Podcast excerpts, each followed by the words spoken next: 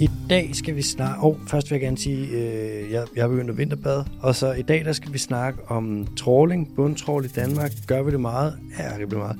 Så skal vi snakke om guld og øh, Amazonas.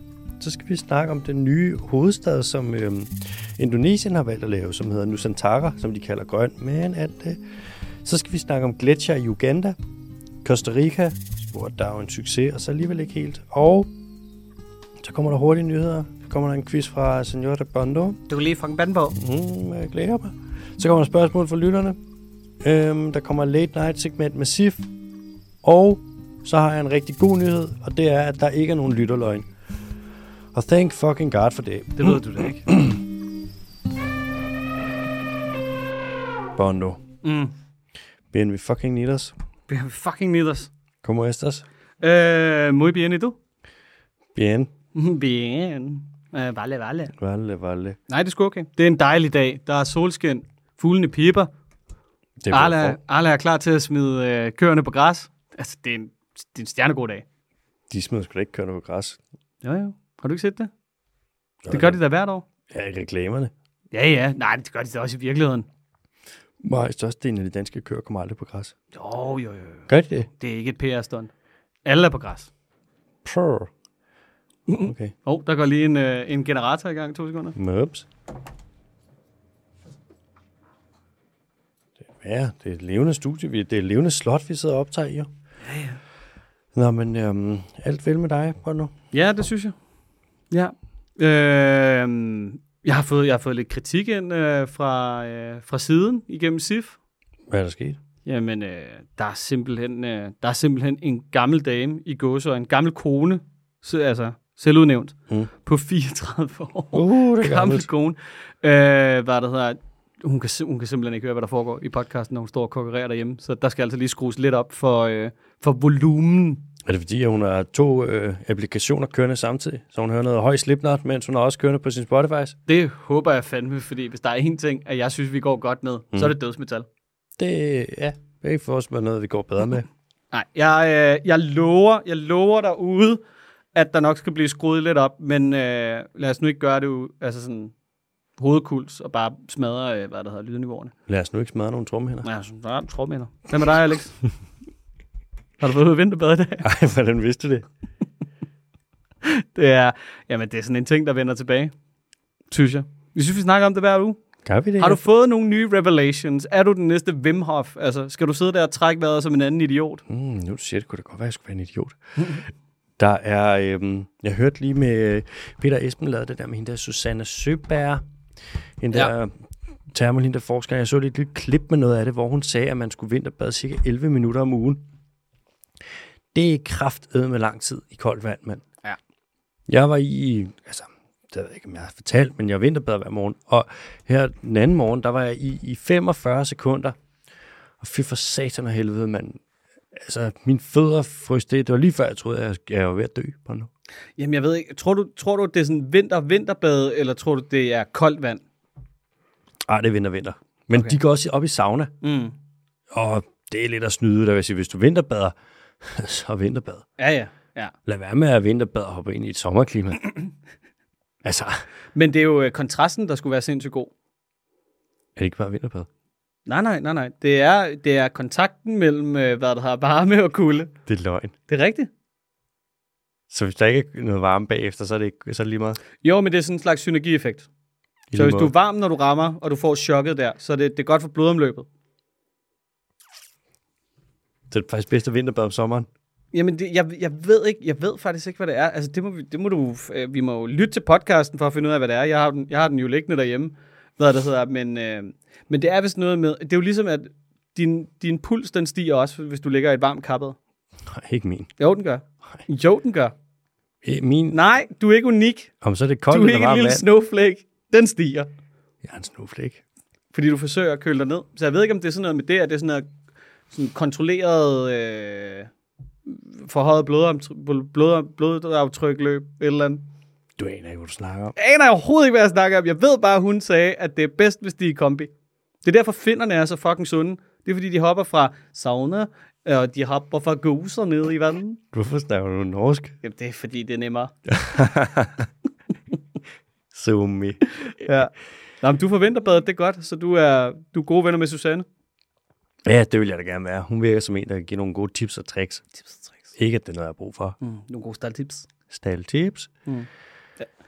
Hvad det hedder, øh, har du andet på tapetet? Masser. Hvad, hvad ellers så? Giv mig noget. Det er bare nyheder, det er ikke sådan noget personligt. Nå. Vi, øh, vi, vi skylder lige en, øh, en, en tak til jer, der til stadighed øh, hvad det hedder, vælger at støtte os ind partier. Det er vi meget, meget glade for. Og til alle jer andre, der måske mangler en måde at støtte os på, udover at, at lytte hver uge. I kunne passende hoppe ind på Linktree eller et eller andet, og så lige give en femmer, eller et eller andet, hvis I har lyst. Det vil vi fandme øh, sætte pris på, ja. Ja. Det går, øh, det går direkte til falafler og genbrugspapir. Så vi kan skrive vores gaveønsker på. Lige præcis. Oh, det er Så vi kan deltage i forbrugssamfundet, som de hyggelere vi er.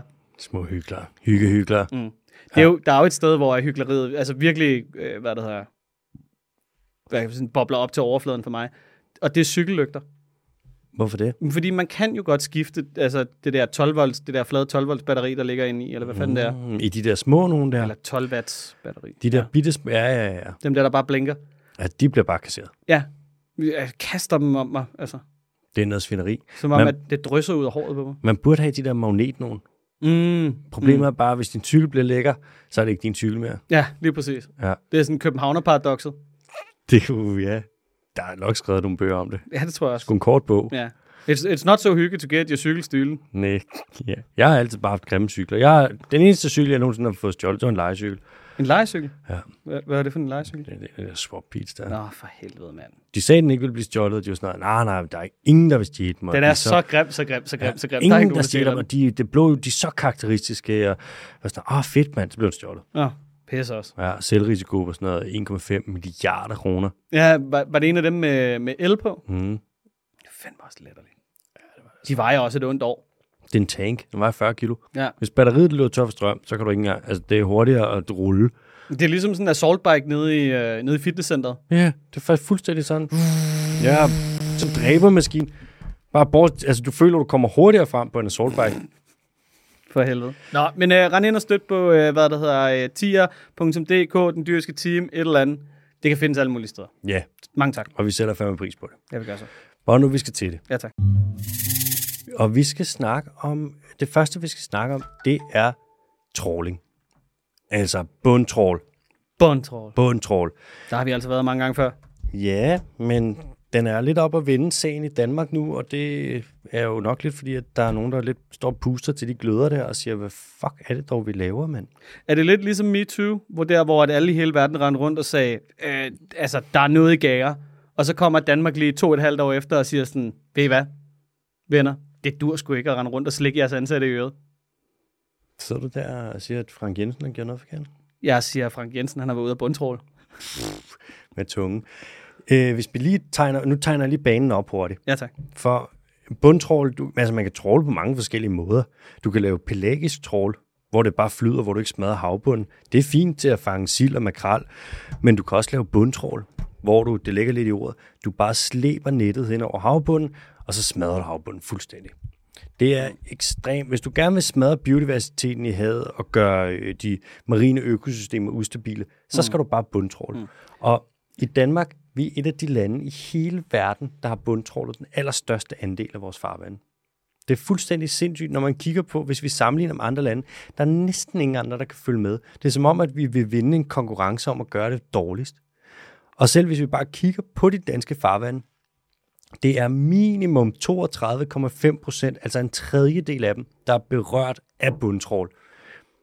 Det er helt, altså det er bizart. Vores marine territorium er på cirka 100.000 kvadratkilometer. Vi formår at tage altså over 30.000 kvadratkilometer og strile havbunden i stykker. Man skal jo være god til et eller andet. Må man nu ikke være god til noget? Vi har øvet os i så mange år. Det er faktisk en god pointe. Kan du, hu- det, det minder mig lidt om dengang, at øh, vi snakkede om, at landbruget det jo nu var blevet et præcisionslandbrug. Ikke? Mm. Du ved, sådan SEAL Team 6 Ja. yeah. med landbrug. Ikke? Ja. Hvor at man er sådan, nej, det, I, I er lidt mere sådan skyde med spredehavl, og så smide en napalbombe bagefter. Du ja. ved, vietnamagtige tilstand. Ikke? Ja. Det, er lidt, det lyder lidt som om, det er det samme med bundtrål, at man er sådan, nej, men vi er jo faktisk et præcisionsfiskeri. Og så er man sådan, "Men hvordan kan det så være, at I har taget, du ved, øh, skyd med en shotgun, du ved, spredehavl, du ved, metoden, mm. for at fucking fiske, altså. Det er 8 Ja. ja. kilometer net, der bare bliver trukket fra top til bund.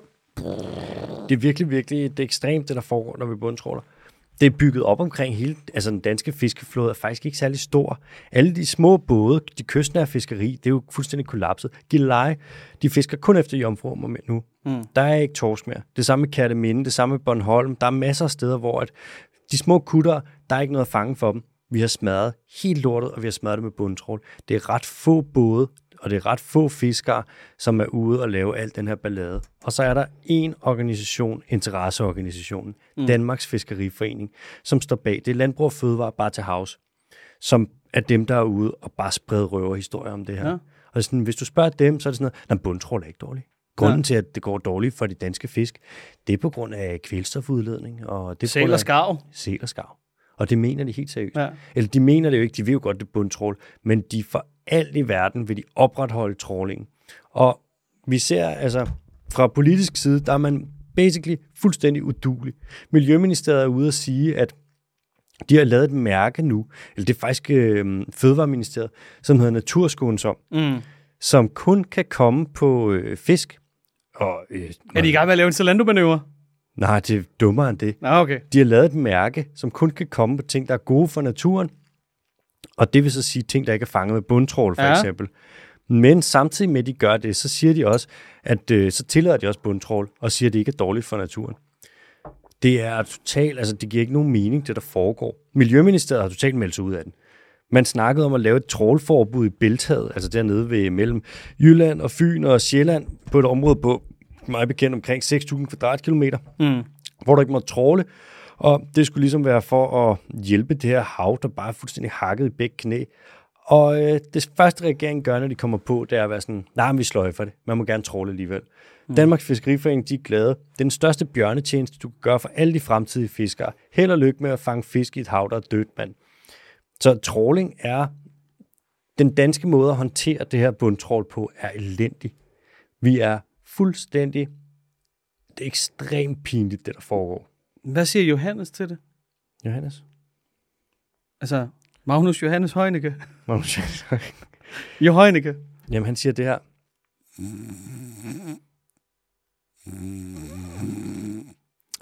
Og så har vi øh, Jakob Jensen, som siger... Øh,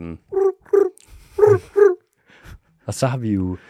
Der var en øh, socialdemokrat, som var inde i øh, Radio 24 forleden, mm. og sagde og kaldte jomfruhummer fiskeriet med bundtrål for naturskånsomt. Ja, Det er, det er vildt at med to år formå at fjerne sig selv fuldstændig fra debatten. Bare sætte fed streg under, at han ikke fatter, hvad der foregår. Mm. Vi skal have nogle, virkelig have nogle nye boller på suppen. Politikerne kommer ikke til at gøre en skid. nogle med det. friske fisk i havet. Vi skal bare have nogle fisk i havet. Ja. ja de Og- kommer ikke til at gøre en skid.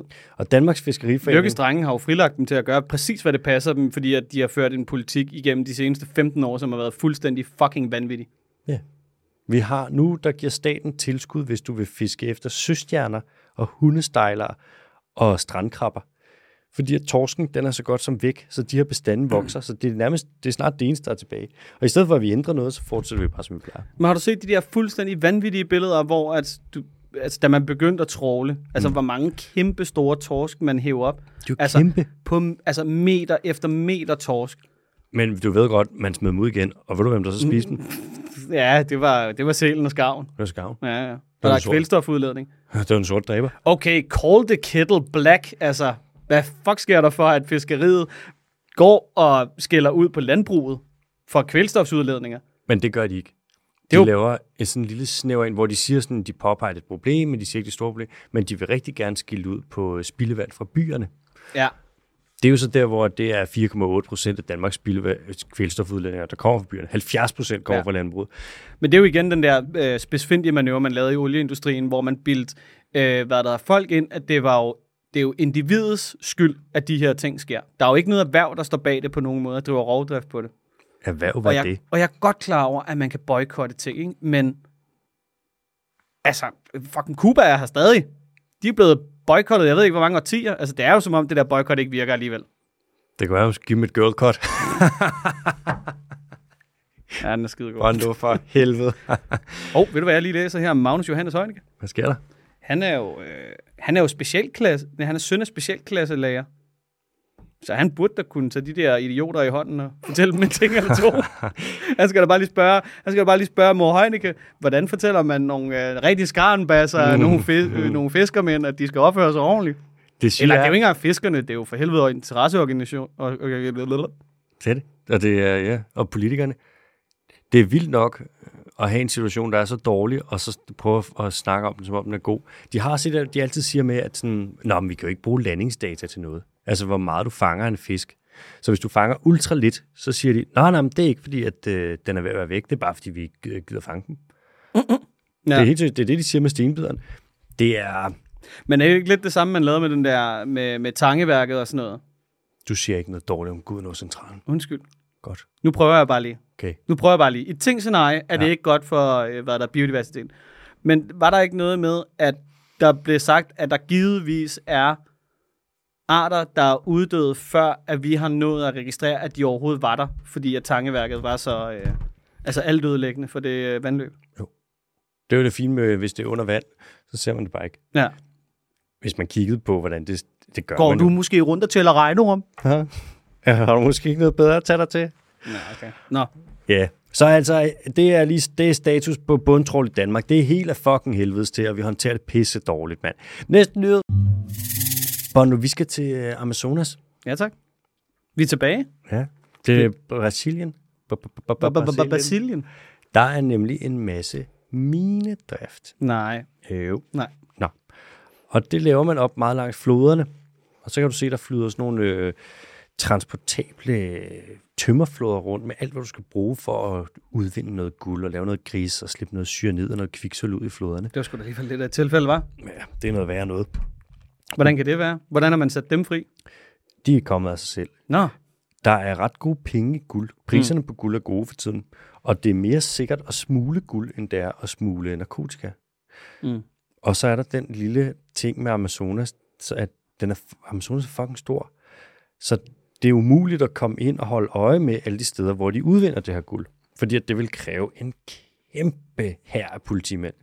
Og under Bolsonaro... eller, eller Eduardo Klein. Eller har du fuck? En ekstra, en ekstra Eduardo. Det er jo, vi skal huske at skrive mail til ham. Jeg har hans mail. Jeg husker det. Ja. Men nu er det så sådan, at i stedet for, at man prøver at komme ud og finde alle de her folk, der er ude og udvinde det her guld, så har man fundet på noget andet. Man har lavet et program, som hedder Oro Alvo-programmet. Eduardo Alvo. Oro Alvo. Oro, det betyder guld, og Alvo, det betyder øh, mål. Så det er guldmålsprogrammet. Mm. Og målet er, at man gerne vil stoppe illegal guldproduktion. Mm. Det lyder som noget, man kunne uddele til ba- Ballon d'Or. Oro Ar- Alvo. Ja, altså guldmål. Oh. Altså et rigtig godt fodboldmål. Det var en helt gylden, den der. Mhm. Mm-hmm. Puh, det var ikke Var en det sølvmål i hvert fald. Det, man gør med Oro Alvo, det er, at du tager guld fra alle mulige forskellige steder i Brasilien, Mm. i Amazonas. Mm.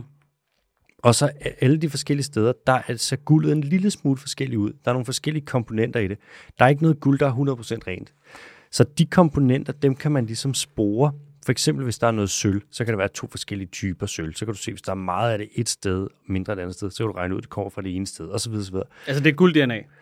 Ja, faktisk god, ja, god måde at sige det på. Mm. Så det man gør nu, når der er nogen, der prøver at smule noget guld igennem, så tager du det, og så kan du rimelig nemt, faktisk så kan du lige tjekke nogle af de her ting på guldet. Ja, jeg tror lige, ja. Jeg tror lige, vi tjekker den guld her. Jeg tager lige en blodprøve på guldet. Jeg tager en lille guldblodplåde. Guldprøve. Og så kan man se, hvor det kommer fra. Og man har allerede nu haft de første folk, som blev fanget. De fangede nogen, der havde på at smule 36 kilo guld. Det er altså jævnt meget.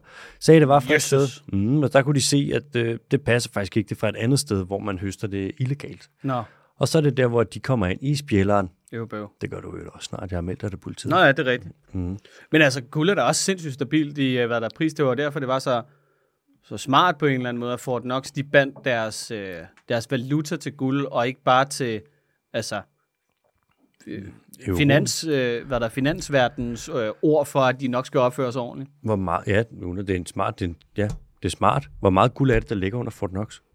Ja, det er ikke sådan noget 400 et eller andet ton eller sådan noget fuldstændig vanvittigt. Jeg ved det ikke. Kan du finde det på computeren? Skal jeg lige finde ud af det? Fort Knox Gold Amount Tons, Hvordan skriver man please. til Knox? NOX. KNOX KNOX. Amount Gold. of gold. I love gold. Okay. 147 millioner ounces. Og så må vi jo bare konstatere endnu en gang, at USA skal stoppe med at være latterlig og bruge ounces og bruge øh, yards Og pounds. Og, og pounds og alt muligt andet. Og englænderne skal stoppe med at bruge miles per hour og stones. Der er ikke nogen, der... går- og, Altså, den der arbit... altså, Kom nu bare over på det Metriske metriske talsystem. system. Nå, okay. Hvor Meget af det, det er sikkert... Det er... Okay, så det er 147,34 millioner troy ounces, som er 4.582 der er 83 metriske ton. 4.500 ton guld. Det er Ja. ja. kraftedeme også meget, Men mand. det udgør kun, altså en, en eller det, det, er en, væ- det er til en værdi af 290 øh, billioner, så det må være milliarder, 290 milliarder, ikke? det er en chat. Ja, men hvis du tænker på, hvor stor US- USA's økonomi er, så er det jo Ingenting. Nej, nej. Altså, de har bare givet det der til Kina, og så har de betalt sådan til- cirka af på 5% af deres samlede gæld eller sådan noget. 1 procent, ja, synes jeg. Ja. Så det er, men det er meget fint, så nu kan man, ja, det er jo guld-DNA, som man kan teste nu. Gulddener. Guld, den er. Og så skal vi til noget andet. Vi skal nemlig til Indonesien. Indonesien, de er ved at flytte deres hovedstad, og de vil rykke den over på Borneo, Borneo. og de vil lave en ny hovedstad, Borneo. som hedder Nusantara. Mm. Og de kalder den grøn. De siger, det er et grønt byggeprojekt. De, hvad tænker du? Jamen, det er bare så latterligt. Altså, I har en hovedstad. Lad nu være med at ligge det et sted, hvor at, at man, man skal passe lidt på tingene. De vil gerne udbygge infrastrukturen, Mm. Hvorfor? fordi så kan de lave mere business, Mm, Hvad er det for noget business? sælge ting. Mm, det Kan de ikke gøre der, hvor de er? Prøv at høre, store dele af Borneo, der er ikke motorveje. Hvordan skal man så køre frem og tilbage? Øh. Ikke? Og der er ikke nogen, der har lyst til at køre frem og tilbage, men lægger en hovedstad. Nej, så man flytter en hovedstad derover, Skide smart. og så, udvik- så udbygger du landet på den måde. Altså, jeg er godt klar over, at hovedsteder ligger forskellige steder i Danmark også. Altså, den danske hovedstad er fandme ligger mange forskellige steder. Det syge er, at de, det er ikke engang, fordi der, er- der ligger noget. De bygger den nye hovedstad. Nej, det er så dumt. Den skal så hedde Nusantara. Og allerede nu, før den overhovedet er færdig, der har de formået at fuck vilkårene op i området for følgende arter. Det siger du ikke. Orangutang, selvfølgelig Borneo orangutang, mm. næseave, mm. the proboscis monkey, den der, der ligner Gerard Depardieu, malajbjørn, også kaldet solbjørn, den der er den mindste af alle bjørne med en lang tunge, og iriwadi delfiner. Og så er der også noget mangrove i området, som også er blevet fucket op. Og så har man taget en skov, eller man forbinder den nye hovedstad med et, et område, der hedder Balikpapan Bay. Men for at gøre det, så laver du lige en motorvej direkte igennem en skov, der hedder Sungai Wane. Selvfølgelig. Og som vi har været inde på før, så er veje, det er det værste, du overhovedet kan lave, hvis du gerne vil beskytte noget natur. Det var en tal ondt. Det er det. Det er vejen til alt ondt. Det fører, når snart du laver en vej, så kan du lave udvinding af tømmer, mm. du kan lave minedrift, du kan komme med krybskytter, du kan lave jagt, du kan lave alting. Mm. Det er altid med veje, det starter. Hvis der ikke er en vej, så kan du ikke komme ind og lave ballade. Når der er en vej, så fucker de alting op. Mm. Og nu vil man lave en ny hovedstad, som er mega grøn. Nusantara grøn. Sig efter mig, Nusantara grøn. Nu er Santara grøn. Nusantara Mit grøn. navn er Jan Dørnsen. Nusantara Grøn. Og de starter så med at bygge nogle ordentlige motorveje. Ja, det gør de. Jeg er ikke begejstret. Nå, okay. Kommer der en ringvej? Selvfølgelig.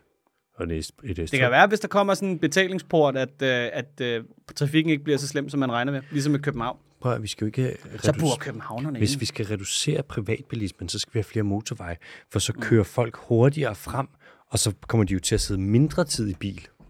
Dude, jeg er ved at splitte mit hoved over hver morgen, øh, så meget privatbilisme, der er i København. Mhm. Jeg, kan, jeg kan ikke forstå det. Prøv at tænk på, hvor mange kvadratmeter, der er, de, der er dedikeret kun til biler, kan parkere midt inde i byen. Mm. Og hvor lidt der er til cykler. Det er fucked up. Jeg er godt klar over, at vi er en cykelnation, og, øh, og bla bla bla, og der er også rigtig, rigtig sådan, gode forudsætninger for at køre rundt på cykel. Og jeg synes også, det er fair nok, hvis man gerne vil have en bil, men det kan ikke være rigtigt, at vi har oprettet, altså, vi har oprettet, vi har efterhånden byplanlagt en by, hvor at alle arbejdspladserne ligger herinde i byen, men der er ikke nogen, der har råd til at bo her. Eller også, så kan byen ikke tilbyde det, som folk gerne vil have, så de fucking kører hver dag, altså i et skrov på størrelse med en parkeringsplads, en person, og jeg skal tage hensyn til dem. Mig, der fylder nærmest ingenting, skal tage hensyn til bilerne. Det, jeg forstår det simpelthen ikke. Nej, det er skørt. Fucking, altså, bare lav en, altså betalingsringen, ikke? Læg den derude, så ligger du bare, altså højhuse hele vejen rundt af byen, og så er der en sporvogn, der kører ind som, altså et, et spindelvæv. Så kan du stille din bil derude, så kan du få lov til at tage sporvognen ind, eller et eller andet i den stil. Og så er jeg ligeglad, om det ikke er grønnere. Jeg gider bare ikke glo på de fucking biler længere. Okay, må jeg stille et spørgsmål? Lastbiler må godt komme ind, fordi de kommer med varer. Må Og jeg, forbrugssamfundet, det skal kun bestå. må jeg gerne lige stille et spørgsmål? Ja tak. Vil du, Mathias Bondo Kim, Mm-hmm. vil du foreslå, at man stopper med at bruge 52 milliarder kroner på nye veje, Nej, selvfølgelig ikke. og i stedet for bruger nogle flere penge på offentlig transport? Nej, undskyld. Altså, vil du have, at folk skal til at tage toget, hva'? Jeg synes, det er så... Jamen, det er bare også bare... Jeg elsker at bruge 500 kroner på at komme til Fyn. Det Okay, er min så, yndlingsting. Så skal du ikke tage toget. Det kan du fandme ikke komme til Fyn for. Nej, jamen, det er ikke engang løgn. Er du ikke også glad for, at jeg skulle betale 92 kroner for at sidde i et eller andet, du ved, dårligt rengjort tog hele vejen op til Nordsjælland, for at komme hjem og besøge dine forældre? Jo. Er det ikke fantastisk? Hvis, altså, hvis, helt seriøst, jeg skulle købe billet derop, jeg kan komme frem og tilbage til Milano billigere. Ja. Det er vores offentlige transport, der går i stykker. Mm. Hviler det økonomisk i sig selv? Det hviler økonomisk i sig. Sig efter, eh, sig efter, sig efter mig. Det der, det gør mig Sig glad. efter mig, Det mor. hviler økonomisk i sig selv. Jeg kan mærke det inde i hjertet. Det er på vej lige om lidt. Vi bliver nødt til at stole på, os, på hinanden. Det er bra. Nå, Bondo. Vi skal ned sydpå nu. Mm. Vi skal til øh, Uganda. Uganda. I Uganda, der ligger der øh, på tværs af grænsen mellem øh, Uganda og Kongo, der ligger der øh, en- en bjergkæde, som hedder Rovenzori-bjergene. Farligt sted. Lidt. Det er ikke et sted, som der er så mange, der tager hen. Og jeg ved ikke, hvorfor. Jeg kan forestille mig, at de er ikke er så nice at klatre i, eller et eller andet. Der ligger et bjerg der, som hedder mm, Margarita Mount, eller sådan noget, som er, et tredje, det, er det tredje højeste punkt i Afrika, mm. på over 5.000 meter. Opkaldt efter drinken. Selvfølgelig, mand. Det er det eneste, du må drikke, når du er deroppe. Du skal ikke have noget vand, i den drik mm. I øh, år 1906, Ja, tak. der var der en øh, rap- ekspedition derop, mm-hmm. og der kom nogle rapporter tilbage, som man jo gør, når man var på ekspedition. Og de rapporterede om, at der var så meget sne heroppe, Ja. i de her højt op i de her Ruventori-bjergene, at de var sneblinde i flere dage. Og når de kom op i toppen, så var der ikke det klippe at se. Det hele var bare is. Og der var store isplateauer, glacier. Glacier. Mm-hmm. Ikke gletsjer. glacier. Glacier. Der var glacier. Mm. Og altså det hele var bare, det var totalt islandsk. Altså det var der, hvor de før de går ind i Morjas miner i Ringnes Herre. Kan du huske det? Nå, Det var sådan der. et Saruman. It's Saruman! There's a foul voice in the wind. det, er, det er sådan der. Ja, okay. Og Og er der nu- også en elver, der render rundt og træder oven på sneen? Det var der faktisk, og de har meldt noget tilbage. nu har der så været en ekspedition derop for nylig. Der har været nogle stykker. Og de tegner lidt et andet billede. Nå, Nu det er sgu er da ærgerligt. Ja. Siden 1906, der er 80% af isen op fra Ruvenzori-bjergkæden, den er forsvundet. Men Og- sådan, ja, var den der? Du tænker, det er sådan sæsonbaseret, Ja. så det kommer tilbage til vinter, mm. Mm-hmm. men det er jo højt op. ja. Hvad siger Lomborg? Lomborg siger, at øh, hvad det, hedder, det er jo faktisk ikke øh, skisæsonen, der bliver kortere. Det er din sommersæson, der bliver længere. Det kan jeg godt lide. Det er Ja. ja. et positivt outlook. Mm. Mm. Har Cepos sagt noget om det? Jamen, det ved jeg ikke. Godt. Jeg tror, vi skal regne lidt på det. Det kan du gøre med, altså præcis som du vil. Bare sig et tal. Mm, ja, Sig et tal. for helvede, Tænk mand. topskatten. Nå. Nu er det sådan, at kan du huske det, vi har snakket nogle gange med, når det bliver varmere, mm. så øhm, vil dyrene selvfølgelig søge mod koldere steder. Og hvis du er i en øh, bjergkæde, så, eller hvis du er på et bjerg, så søger du op, fordi der bliver det koldt. Ja. Så nu kan man se i øh, kanten af, der hvor der stadig er sne op på, øh, i Ruventoribjergene, der begynder der at komme spor fra dyr, som går opad, men spor fra dyr, som aldrig har været der før.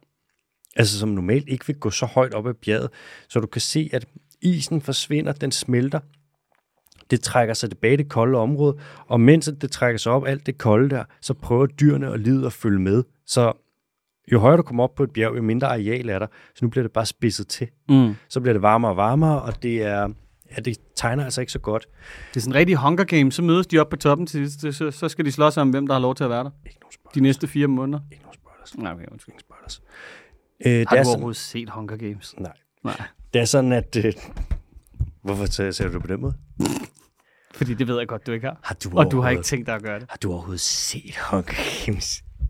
det jeg synes heller ikke, det, jeg synes ikke, det er fantastiske film, men jeg ved bare, du kommer ikke til at se dem. Nej, det gør jeg ikke. Nej. Jeg er næsten jeg er fuld gang med Mandalorians. Ja. Sæson 3? Ja, Jeg er ikke fan. så er jeg heller ikke fan. Jamen, det er sgu... det, kan, det er en af... Vi tager den på et andet tidspunkt. Ingen spoilers. Jeg synes, det er godt, jeg fik det sidste ord. UNESCO, de, øhm, det er sådan nogle, der udpeger de her World Heritage Sites. Det lyder kan som være- en is. Ja, det gør det faktisk. En lækker en. Der er nogle punkter i verden, hvor der enten er så vigtig kulturel arv, eller så vigtig naturarv, som man så UNESCO siger, beskyt lortet. Naturarv, hvis, du, hvis de udpeger et område som UNESCO, naturarvsområde, så er det en af de tungeste fredninger, der overhovedet findes overhovedet i verden. Mm. Og der er det særlige ved UNESCO-fredninger, at hvis du har et sted, der bliver udpeget som naturarv, og du ikke fucker det op, så giver UNESCO dig penge. Mm. Det er derfor, fredningen er så tung. Og der er, altså, og man tænker Stævns Klint og sådan noget, ikke? det er danske UNESCO. Ja, det tror jeg. Ja, det er det vist, ja. Ja. Nå. UNESCO UNESCO her, de har udpeget en masse af verdens gletsjere som naturarv, fordi det er pissevigtige. Mm-hmm. Og de har så også sagt, at om 27 år, altså i 2050, der er en tredjedel af de gletsjere, de har udpeget som verdens naturarv, de er smeltet. Ja. Og så dem, der har været op her i Ruwenzori-bjergene her og lavet den her nye ekspedition nu, hvor de har taget en masse billeder, de er kommet tilbage, og så har de vist nogle af billederne til George, eller Georg Kaiser, som er en af hovedforfatterne på mange IPCC-rapporterne, og bare old school fucking klimagud, der har styr på sit shit. Og han sagde så, da de viste ham nogle billeder af gletsjer, der ligesom var smeltet og alt det her op i øh, de her Ruwenzori-bjergene, så sagde han, You can negotiate ab- about almost everything, he said, but you cannot negotiate the melting point of ice. No. Man har en pointe. Selv den værste, sorry, den mest skeptiske klimaskeptiker i verden, kan ikke komme og sige, at is, der er smeltet, det ikke er smeltet. Det kan du ikke argumentere imod. Hvis du har et billede, hvor du kan se sådan, der er en fucking gletsjer, næste billede, den fucking gletsjer, den er smeltet. Ja, se dem gøre det alligevel. Ja, det er rigtigt nok, det kommer det til. Så det var bare lige en hurtig gletsjernyhed. Ja. Det var en hurtig gletsjernyhed. Det kan da også være, det kan da være, den, den er, hvad er det, der er en temperatur, hvor at is kan eksistere i alle tre stadier, ikke? Is, vand og damp. Er det er sådan noget 0,0001 eller sådan noget. Ja, der vil selvfølgelig være en lille grænsezone der. Ja. Ja. ja. Så det kan jo være, at isen bare er damp lige nu. Den kommer tilbage. Så det stadig er is. Mm. Vi bare ikke kan se den. Det er isdamp. Skriv det der ned. Mm. Det er da en teori. Må man nu ikke have en teori længere? Man må Du godt gætte lidt. Ja, det kan jeg love dig for. Og din hypotese, det er en teori, hvis du føler den ind i hjertet. Fra Uganda, der skal vi til Costa Rica. Costa Rica, det er spansk og betyder den rige kyst. Nej, jeg vil så gerne til Costa Rica. Det ser så lækkert ud. Ja, det er okay. Tag til Nicaragua i stedet for det er federe. Jeg vil gerne, bær- gerne begge. Costa Rica er sygt turistet, og det er ret dyrt. Jamen, det er perfekt. Det, det elsker jeg. Så kommer du til at synes godt om det. Der er mange amerikanere. Jeg skal ikke til Costa Rica, kan jeg godt høre på det hele. Tag til Hvis, Nicaragua. hvis der er noget, jeg ikke kan udholde, så er det amerikanere. De kan være enormt irriterende. Eller i hvert fald vestkystamerikanere. Jeg tror, Boston, New York. Jeg skulle lige til at sige, Boston, Ja. det er... Jeg ved ikke hvorfor, men jeg synes, de er irriterende. Boston? Ja, det er måden, de snakker på, og det er deres attitude, der kan være irriterende. Ja. Der er også en anden ting, det er, at der er, altså, der er, der er en kæmpe stor del af befolkningen, som jo er irsk afstamning. Mm. Og fordi at amerikanerne, og, og, og der er ikke, det er ikke nogen specifikt amerikaner, det er alle amerikanere, ikke har noget kultur eller nogen arv, så klynger de sig til alt, hvad deres forfædre ligesom er kommet med. Så det vil sige, at du kan være, hvad, 8. generations irer, og tro, at du stadig er irsk. Og det samme med, øh, hvad der er, italienerne i New Jersey. Så render de rundt og siger, I'm Italian, bra, bra, bra, bra, bra, hvor man er sådan, det er du ikke, buddy. Ja. Mm. Du spiser cheeseburger hele dagen, og du kører rundt i en stor Dodge Ram. Hold op med det der, ja. du er ikke italiener. Nu stopper du. Men jeg, fucking salat. har, men jeg har set Goodfellas. Ja, ja, jamen, det er sådan noget, ikke? Fuck nu af med det. Håndsvagt. Så skal du ikke tage til Costa Rica. Nej, det, bl- det bliver Nicaragua, kan jeg godt høre på det hele. Nicaragua. Men der er, også, der er tingene hurtigt, ret hurtigt overstået, ikke? Det er sådan, du er lige et par fede steder, og så er der noget med en knallert rundt lidt, og så skal du vist også hjem igen. Nej, det er Vietnam. Er det Vietnam? Ja. Ej, Nicaragua, der, øh, der tager man lige sådan, der tager man sådan lige lidt tid. Det er sådan lidt hyggeligt. okay. Ekstremt. Det er sygt billigt. Mm. Folk er vildt søde. Tager man ud til Lake Ometepe eller Lake Nicaragua. Mm. Og så tager du ud der, og så er der nogle vulkaner, hvor du kan kælke ned i aske og drikke dig super duper stiv sammen med en masse andre backpackere. Og alle sidder og ryger joints, undtagen dig. Ah, ah, og andre backpackere, jeg kommer ikke til at backpack. Det, du ved godt, det er den eneste ting, jeg ikke gider. Jeg sover ikke på hostel, jeg gider ikke backpacke. Kommer du til at køre trolley? Det er hu- 100, jeg gør. Så kan du, kan du være der trolleymanden med de andre backpacker. Ja. Ja. Alle backpackerne, de sidder og ryger ulovlig has. Det gør du ikke, fordi det er ulovligt. De Men... sidder og drikker rigtig mange bajer. Er det ulovligt dernede? Det er jo ulovligt alle Er det steder. bare hygge? Du ikke er det bare, at vi snakker om det nu, kan være ulovligt, ikke? Ja, ja. Hvis politiet lytter med nu, mm. så vil jeg gerne 100% stoppe med at anerkende vores begge tos autoritet på alle de her områder. Det, jamen, det er rigtigt. Ja. Ad. Jeg kontramælder dig på et eller andet med en fugl. Kan du ikke lige melde mig til politiet? Det skal jeg nok gøre. Og Nå. Nå. så fik vi lige en lille rejseguide til Costa Rica. Hvor skal vi hen? I Costa Rica, der øhm, Costa Rica plejer næsten, det plejer at være et af de verden, steder i verden, hvor der er allerhøjst afskovningsrate, altså hvor man fældede allermest regnskov og hurtigst. Mm-hmm. Mellem 1940 og 1980, der var den årlige skovtabsrate, den var helt op på 4%. Det vil sige, at hvis du tog hele Costa Rica og hele Costa Ricas areal, der er en del af det var dækket af regnskov, så 4% af arealet blev, blev, fik ryddet sin regnskov om året. Hmm. Det er fuldstændig vanvittigt.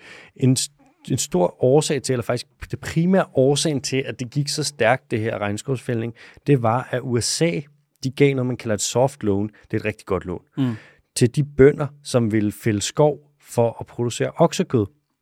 Og på et tid, det var primært til Burger King. På et tidspunkt, så var det 60% af alt oksekød, der overhovedet blev produceret i hele Costa Rica. Det mm. blev købt af Burger King. Så faktisk kan man sige, at Burger King med USA i ryggen var primær årsag til regnskovsfældning i Costa Rica. Altså hvad USA ikke har fucket op i Mellemamerika og Sydamerika, det er fuldstændig sindssygt. Nå, Det er jo et moderne imperie. Det må vi jo lige sande et kort øjeblik. Det er vist det pæneste, man kan sige om det. Mm-hmm. Nå, så skete der noget, for en gang i sådan noget, det var i sådan noget efter 1980, så var der en øh, præsident, Mm. som hed Rafael Calderón. Rafael jeg, jeg, Calderón. kan, jeg kan mærke, der er noget du tager det energi over ham. Han var faktisk en rimelig cool hombre. Som du tager det. Han var ikke så cool, han dræbte ikke folk. Hold nu op, mand. Det er da pissefedt. Our president has not killed people. Så, I've killed five people. Actually, I'll have. I, and I kill a lot. I killed a lot of people. Nå, så gjorde man det, at man vendte skuden derover i, øhm, i Costa Rica, og man øhm, begyndte at give penge til bønder, der ikke fældede skoven, men derimod passede på den. Man kompenserede dem, så at sige lidt. Mm. Og derfra, der har det bare været sådan, der er det virkelig gået godt. Så nåede de at vinde trenden, og det gik fra, at øh, regnskovsdækket i Costa Rica var efter nogle estimater helt nede på 16 procent, og nu er det op på over 50 procent. Okay. Det er bare vokset og vokset og vokset, og de har gjort sindssygt meget godt for biodiversiteten, og også grøn energi i øvrigt, og det er sådan, hvad de ikke har vundet af priser Costa Rica for det her. Costa Rica har været et ægte grønt forgangsland på det her. Selvfølgelig efter Danmark. Ja, ja. ja. Selvfølgelig jeg, efter Danmark. Jeg skulle lige til at sige det, fordi vi kompenserer da også vores landbrug, og jeg ved fandme ikke, hvad i hovedrøv for at lave en grøn omstilling, Ja, er du sindssyg? som er på, på vej. Ja, den. Fordi der er CCS lige om lidt. det er der. Og så kan vi skyde det ud i rummet, eller begrave det. Det vil jeg ikke gå til magle. Du skal ikke sidde og grine nu. Nej. nej, nej der, gør jeg det heller kommer til ikke. at Nej, ske. Ja, ja, ja. Have a little faith. ja, ja. brother. Nå, så er der bare, altså okay, så Costa Rica gik dårligt, så begyndte det at gå sygt godt, og det gør det sådan set også. Der er bare et lille men, Amen. for der er en lov i Costa Rica, som ligesom blev vedtaget i 1977, som siger, at de naturområder, som plejede at tilhøre oprindelige folk, men som man så har ødelagt for at lave øh, græsningsarealer eller søjermarker, når de blev lavet tilbage til natur, eller hvis de blev beboelige igen, så skulle de gives tilbage til de oprindelige folk, som oprindeligt set havde dem. Men den her lov er blevet, den her lov er blevet fuldstændig ignoreret. Den er blevet ignoreret i så høj grad, at der i nogle af skovene i Costa Rica har været voldelig konflikt. Der er to ledere af de her fællesskaber af oprindelige folk, som er blevet snigmyrdet. Mm. Altså straight up JFK assassination. Steinmeier. Og det er kun den ene af dem, der ligesom øh, morderen til den ene af dem, som faktisk er blevet fanget og dømt, fordi man er pisse ligeglad, fordi det er oprindelige folk, og de skal bare smides under bussen, Er der, er der nogen, der er blevet dømt? er en Nå, okay. for et mor, ikke? Ja. På en, øh, Det plejer jo ellers at være sådan, at folk er løbet ind i ting, eller kommet til skade, eller selv hoppet om over bords. ja, der kan godt være nogen, der lige smutter i svinget. Ja. Ja. Det kan ske. Nå. Men det er så det, hvor... At, okay, så oprindeligt folk skulle faktisk have haft deres land tilbage. Mm. Det har de ikke fået. Nej. Og det, den andel af det naturen nu, der tilhører oprindeligt folk i Costa Rica, er ikke særlig stor. Nej. Der er nogle andre, der kan forvalte det bedre jo. Ja, det er jo så det, der er. For mm-hmm. efter at de skove, der ligesom er vokset tilbage, efter man vendte skuden i 1980, nu er der så sket det, at en del af skovene er begyndt at blive fældet igen. primært fordi man vil lave græsningsarealer til kvæg, mm. og så er der også nogen, der har fået en idé om at lave ananasplantager. Det er også lækkert. Det er meget lækkert, og der er et godt marked åbenbart. Vi skal ikke til at snakke negativt om ananas. Altså, jeg har fået nok på puklingen over avocado. Hvis du tager ananas fra mig, Ja, du, du gør det ikke. Du gør det ikke. Costa Rica er blevet verdens største producent af ananas. Hold din fucking... Og det, det, altså, jeg kan ikke lade være med at tænke, det eneste, der ligesom er det her spørgsmål, der er i det her, det er, vi ved godt, al forskning viser, at de eneste, der kan finde ud af at passe ordentligt på naturen, det er oprindelige folk. Altså, det er de eneste, der har gjort det igennem. Åh, oh, postulater. Ja, og vi, kø- når vi kommer fra med vores sådan, en anden tankegang, hvor naturen er noget, der skal udnyttes, vi har ikke ligesom en eller anden spirituel forbindelse med den. Vi er bare sådan, fuck det, fæld lortet, æd det, knip det, mm. et eller andet. Vi kan ikke finde ud af det. Det her, det viser det. Regnskoven vokser tilbage, der går 43 år, så er de sådan, ah fuck det, vi fælder igen, vi kører bare, vi forfra, vi laver samme fejl om igen. Mm. Vi gør det igen og igen og igen. Det er der altså nogle folk, der godt kan finde ud af at lade være med, som har en, en anden kultur, og vi nægter at give landet tilbage til dem det bliver den meget klar pointe, ikke? at hvis vi skal bevare naturen, så bliver vi nødt til at give den til dem, der kan finde ud af at bevare den, for det kan vi ikke. Vi er simpelthen for dårlige til det. Og vi har vist det så mange gange nu. I- Og, og, og verden over, altså det er jo ikke, det er, jo, altså, det er lidt ligesom det der med, når to folkefærd, altså har man kunnet se i historien, opfinder den samme ting samtidig på en eller anden måde, ikke? Ja. Hvad er det, man kalder det? Man har et eller andet fedt ord for det. Koopfindelsestidsprincippet. Ja, eller parallel, Parallelopfindelses. og, og parallel opfindelses, ikke? Ja. Altså, der kan man sige, der er to sådan fuldstændig ens idéer, der er opstået parallelt med hinanden, men uafhængigt af hinanden. Ja. Og på samme måde er det med at udnytte naturen. Det er jo ikke som om, at det er sådan en super, altså øh, kulturel ting kun for Danmark, mm. eller for Norden for den sags skyld, eller England, eller USA.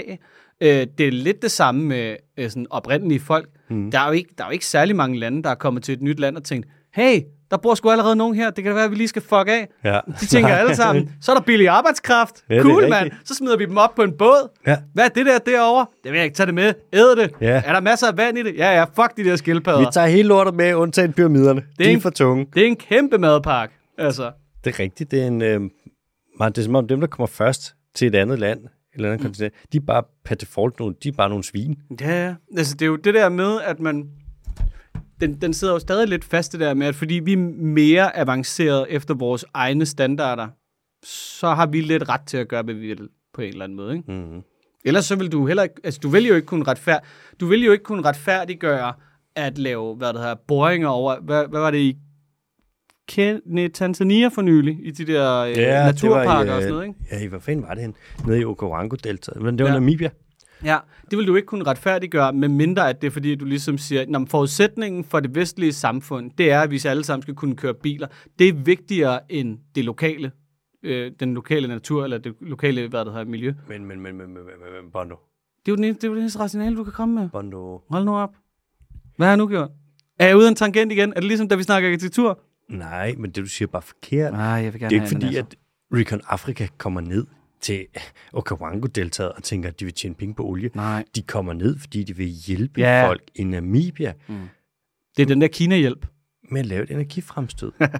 de vil hjælpe. De Ja. vil ikke bare profitere. Det er jo ikke et olie. Eller det er et olieselskab. Men ja.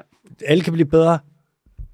ja, ja. De er jo bare i gang med at øh, skabe en ny kundegruppe. Ja, det er jo fint. Vi skal til de hurtige nyheder. Mm. Mm. De går hurtigt i dag. Det er sådan, at over i Nepal, der er der en, øh, en art kanin, som hedder Assam-kaninen. Ekstra Kina. Mm, og den er, nej, er det, det, det er ekstra ekstra Kina. Assamkaninen, den har lidt sådan lidt øh, troet. Den kan godt lide, at der er græs, og det er der, hvor den ligesom lever i sådan noget græsland. Men for at lave habitat til tigeren i Nepal, der er man begyndt at brænde græsland af, for at der så kan komme nogle andre habitater, som tigeren heller vil leve i, mm. og det går ud over assamkaninen. Så det er lidt et lille clinch, hvor naturgenoprettelse for den ene art faktisk går ud over den anden. Sådan et omvendt umbrella species-agtigt. Mm. I øvrigt har man lige talt øh, tigerne op i Indien igen, og de er antallet er meget højt nu. Man er oppe på 3.167 tiger. Mm. Så halvdelen af, hvor mange der er i USA. I fangenskab. Ja, ish. jeg tror vist næsten, det er faktisk snart ved at være det samme. Nå, Men øh, sindssygt nok. hvor hører de mest til? Altså, de er, det er nok federe at være i USA. Tiger i hos Joe Exotic. Fuck. Nej, han stiller op til præsidentvalget. Gør han det? Ja, han gør så. Det er løgn. Nej, det gør han. Bedre end Trump. Ja, ja. Ah, Ja, det samme. ah. ah, Og, ah. Ja, okay. Ja. Ja. Nej. Nej. Nå, og vi skal en tur til Spanien. Der mm. er den iberiske los. Øhm, den havde det rigtig stramt. Her for øh, omkring 20 år siden, der var der 200 af dem. Nu har man lavet et kæmpe avlsprogram og virkelig lagt nogle naturbeskyttelsesindsatser og penge og tid i det. Mm. Og nu er der kommet 1.300 stykker af dem. Det er virkelig fint. Men så er man også gået i gang med at fodre gribe over i øh, der, hvor den lever, den iberiske los. Mm. Og de her gribe, der lægger man sådan nogle, øh, nogle kadaver ud til dem. Kadaver. Kadaver. Og der har man så fundet ud af, at lossen også kommer lidt og spiser de her kadaver, og nu er man bange for, at der måske kan komme nogle sygdomme til lossen fra kadaverne. Øh, men man ved ikke noget af det her med sikkerhed, og det er svært at studere kattedyr. Mm. Små kattedyr er notorisk svære at studere. Er det ikke bare at rende rundt og pille lidt i deres afføring? Det plejer altid at være dit bud på, hva- hvordan man lige kan indsamle noget information rigtig hurtigt. Eller nu ser jeg dig. Det, altså, det samlede videnskabelige netværk af forskere. De kommer til at, f- for at se lyset, lortelyset. Lortelyset. Det var, det ville faktisk være en god idé. Gå ud og lege med noget afføring. Ja, Hmm. Er der nogle bakterier i, der ikke skal være der? Brop, brop, brop. skriv lige, vi skriver det også til Eduardo Sanchez. Han kender dem sikkert. Det er rigtigt. Og han kan garanteret bare lige sende dronen ned. Ja, en lille lorte samler dronen Fuck, mand. med en lille hundelortpose. Jeg synes, han er så sej, Eduardo. Han er sej, vi skriver til ham. Og så øh, der er jo kommet geparder tilbage i øh, Indien, Mm. efter at de er uddøde, og så vil man reintroducere dem, og det har været et kæmpe hassel, og skulle man gøre det, skulle man ikke gøre det, og det er lidt et stunt, fordi de er, fuck det, det, det er enormt mange penge, man bruger på det, og man kunne måske have brugt dem på noget andet, og der, hvor man introducerer dem, skal de være der. Det er lidt Indien, der siger, at det er et af de eneste store dyr, der er uddøde fra Indien, og nu vil de gerne have den tilbage, for så kan de ligesom lidt vise, at de er gode med biodiversitet. Og der er nogle fine, der er for og imod ting med det. Mm. Men nu hvor at øh, Indien har fået geparden tilbage, så er der en gepard, der har fået killinger. Og så kommer Nepal og siger, Og så. har vi egentlig haft geparder? En gabbet. Og der er folk sådan, det ved vi ikke. Og så er der nogen, der begynder at sige, ja, jamen, det har vi jo, mm. fordi noget er noget. Kig i og den her, bøgerne. ja, prøv at høre, den her gamle historie. Der er nogen, der siger sådan, jamen, så, det har vi ikke slagt nord på. Så er der nogen, der sådan, ah, men prøv at overveje lige med det her, den her og det her. Og så er der nogen, der sådan, nej. ikke rigtigt." Så nu i Nepal, der diskuterer de, om de har haft geparder. Nå. Og altså, der er jo selvfølgelig også andre lande, hvor der vil være mm. forskere, der byder ind. Og så diskuterer man det for at overveje, om man så skal have geparder tilbage til Nepal også, for nu er de blevet lidt misundelige på deres naboer. Men tror du ikke også, det har noget at gøre med sådan en slags signalværdi på en eller anden måde? At hvis du kan, altså hvis du kan få det her igennem, mm. altså som en gepard på en eller anden måde, Ja. altså så baner det ligesom vejen for, at man også kan introducere nogle andre arter, som måske ikke er lige så sexede. Ligesom hele ulvedebatten lige nu. Hvis du kan få lov til at udrydde ulven, så kan du praktisk talt få lov til at gøre, hvad fuck det passer dig på dansk grund. jo, Hvis det du er kan få introduceret ulven og få den fredet og sørge for, at den lever i bedste velgående, Mhm. mm. så sender det også et signal om, at vi vil gerne, vi vil sgu gerne gøre en indsats. Men, Bondo, er du sikker på, at ulven hører til i Danmark? Jeg, jeg, jeg ved det jo ikke. For, altså, Det er det... bare, hvad forskningen siger. Ulven var jo væk fra Danmark, det var udryddet dem, men mm. øh, det kunne godt være, den var uddød af sig selv. Mm. I mellemtiden, det kan du ikke vide. Ja. Ja, Det er jo ligesom bestanden af, øh, hvad der har okser i USA. ja bisonokserne. Altså, fik vi lige dræbt en 4-5 millioner af dem, eller omkom de sådan lidt akut på grund af en lille forkølelse? Jeg ved det ikke, ved du det? Jeg ved godt, at det er forkølelsen. Det er det officielle svar. Du er en skarp mand, du er. Skal du quizzes? Ja. Jeg ved sgu ikke, hvordan den bliver i den her uge. Jeg synes, det, det, bliver, det bliver sværere og sværere at finde øh, spændende dyr, kan jeg godt mærke. Men øh, hvad der, jeg, har, jeg, har fundet et, rigt- jeg har fundet et rigtig godt dyr den her uge. Baby. Okay. Er du klar? Ja. Jeg bliver kaldt bedemanden i min familie. Det er på grund af mit udseende, og er derfor passende nok ådselsæder. Ja, der bliver tænkt på, ja. Det er... Alex han ser lige akkurat ud som om lige nu, at han tror, han ved, hvad det er for et dyr. Og det gør han ikke. det er en slags grip. It's a grip. Det er en egyptisk grip. Nej, det er det desværre ikke. Nå. Hvad er der med den egyptiske grip? Ikke noget lidt videre. Er den, er den oven på hovedet af en af de der dumme statuer?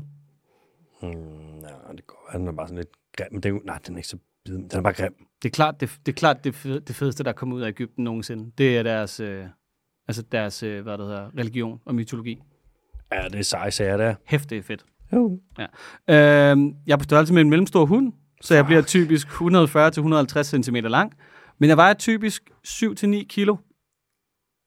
100-150 cm lang. Mm. 140-150. 140-150, 7-9 kilo. Ja, der er garanteret fundet nogle individer, der er hver- både større og mindre, men det er sådan gennemsnitligt. Og det er en ådselsæder. 9, ja, 7-9 kilo, en ådselsæder, og bliver kaldt bedemanden. Uha, den er svær. The Praying Man. Praying Mantis. Praying Man. Der er ikke rigtig nogen slanger, der er udsalteret Slanger. Så det er ikke en slange. Jeg vil heller ikke gætte på, at det er en fisk. Nej. Okay. Spændende. Eller vil jeg? Nej, umiddelbart ikke. Det er ikke en pæde. Fordi så kan, du- der, der er kun to pæder, der kommer op i den størrelse. Der er ikke nogen af dem, der er udsalteret Er det, øh, er det den der kæmpe salamander? Kinesisk og japansk. Hmm, Ja. Skarpt. Og Det ligner et badedyr. let's see Har du winning. ikke set det Eller- her, hvor han, der, han står med den rigtig stolt, hvor han har fanget en kæmpe stor en. Det ligner bare et stort bams. Det gør det. Kæmpe. Størrelse med en mellemstor hund. Ja. Nå, øh, Mm. mm. det ved jeg kraftedme ikke. Giv mig en mere. Okay. Øhm, som du ved, er jeg ådselsæder, men jeg fanger levende bytte, når jeg skal yngle.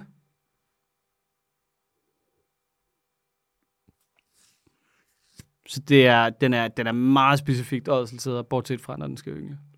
Og det er, fordi den fodrer det til sine unger. Mm, det fortæller historien ikke noget om. Jeg tror, det har noget at gøre med sådan noget næringsindhold, og skal producere, og du ved, have rigtig, rigtig meget energi og sådan noget. Ja, men der er lige så meget energi sådan i et, i et ådsel som i et nydropdyr. Kan der ikke være nogle, nogle altså fordi, altså ådsler, det er jo typisk, du ved, pattedyr, der er omkommet. Altså hvis man nu fanger, lad os sige, insekter af en eller anden form, kan der så ikke være nogle mineraler eller vitaminer i? Hmm. Det har jeg, jeg har jo en teori om, at øh, hvad der, de der cravings, som kvinder får, når de er gravide, ikke? Hmm. jeg tror slet ikke, det har noget at gøre med, at øh, de er mærkelige hormoner. Jeg tror bare, det er kroppen, der fortæller dem, der er et eller andet, du mangler, og det er i den her type mad. Måske. Så, nu er det sagt. Og ja. hvis det er sagt af en klogere, hvad der er person før mig, så har de det fra mig. Sådan, at man gør. Ja. Kildeangivelse. Mm. Omvendt. No bueno. Øh, bup, bup, bup, bup, bup, kan det være? Og, ej, jeg ved ikke, om det kunne være en slags... Nej, det er jo sgu ikke en fugl, jo. Der er jo ikke nogen fugle, der er så... Øh, halvanden meter lange. Det er dog kun ekstremt få fugle, men de er ikke... Der er det sådan noget filippinsk ørn, men den er ikke... Nej, det er ikke en fugl. Kan det være? Men pattedyr, der er så langt og vejer så lidt, den er lidt tricky. Kan det være en slags ål? Nej. En ål. Den hedder bedemanden. Mm-hmm. Jeg kan jo fortælle dig so far, altså vi har jo kun haft nulevende dyr. Vi har aldrig haft et, et, et uddødt dyr, har vi? Nej, der har vi ikke. Nej. Er det det her, det? Nej, nej, nej, nej. Nej, nej, nej, nej så vil jeg fortælle dig det. Så begynder vi virkelig at åbne op for, øh, hvad der er bagkataloget på en eller anden måde. Ikke? Ja. Ja. Der er fandme nok at tage af. Er du sindssyg? Desværre. Jeg ved, giv mig en mere. Okay. Jeg lever øh, på, den subsa- på det subsahariske kontinent, hvor jeg med mit næsten 3 meter store vingefang betragtes som... Åh, oh, hvad sker der her? Det var da utroligt. Nå, det er mig bustorken. Ja, det er så. For helvede. Ja, det er chokoladefuglen. Chokolade, den er så ja. grim, mand. Det subsahariske kontinent, hvor jeg med mit næsten 3 meter store vingefang betragtes som øh, en af, hvis ikke den fugl, med det største vingefang. Den er sådan, man, der er nogen, der påstår, at de har været op og finde den på sådan noget næsten 4 meter, hvor den så kommer op og slås med kondorerne åbenbart. Den er nøjeren, mand. Mara bustork, det er sådan en, hvis du sætter dit barn ud i en uh, barnevogn, det gør du typisk ikke i de områder, og der er meget bustork. De og, æder der bare, kan, mand. og der kan jeg godt love dig for, ikke? Altså, hvis du er bange for en fiskehej, og du ser en marabustork, den render bare hen og spider dit barn med det samme. Har du set den der? Der er sådan nogle billeder af, hvor der er en marbustork, der lige uh, finder en syg flamingo.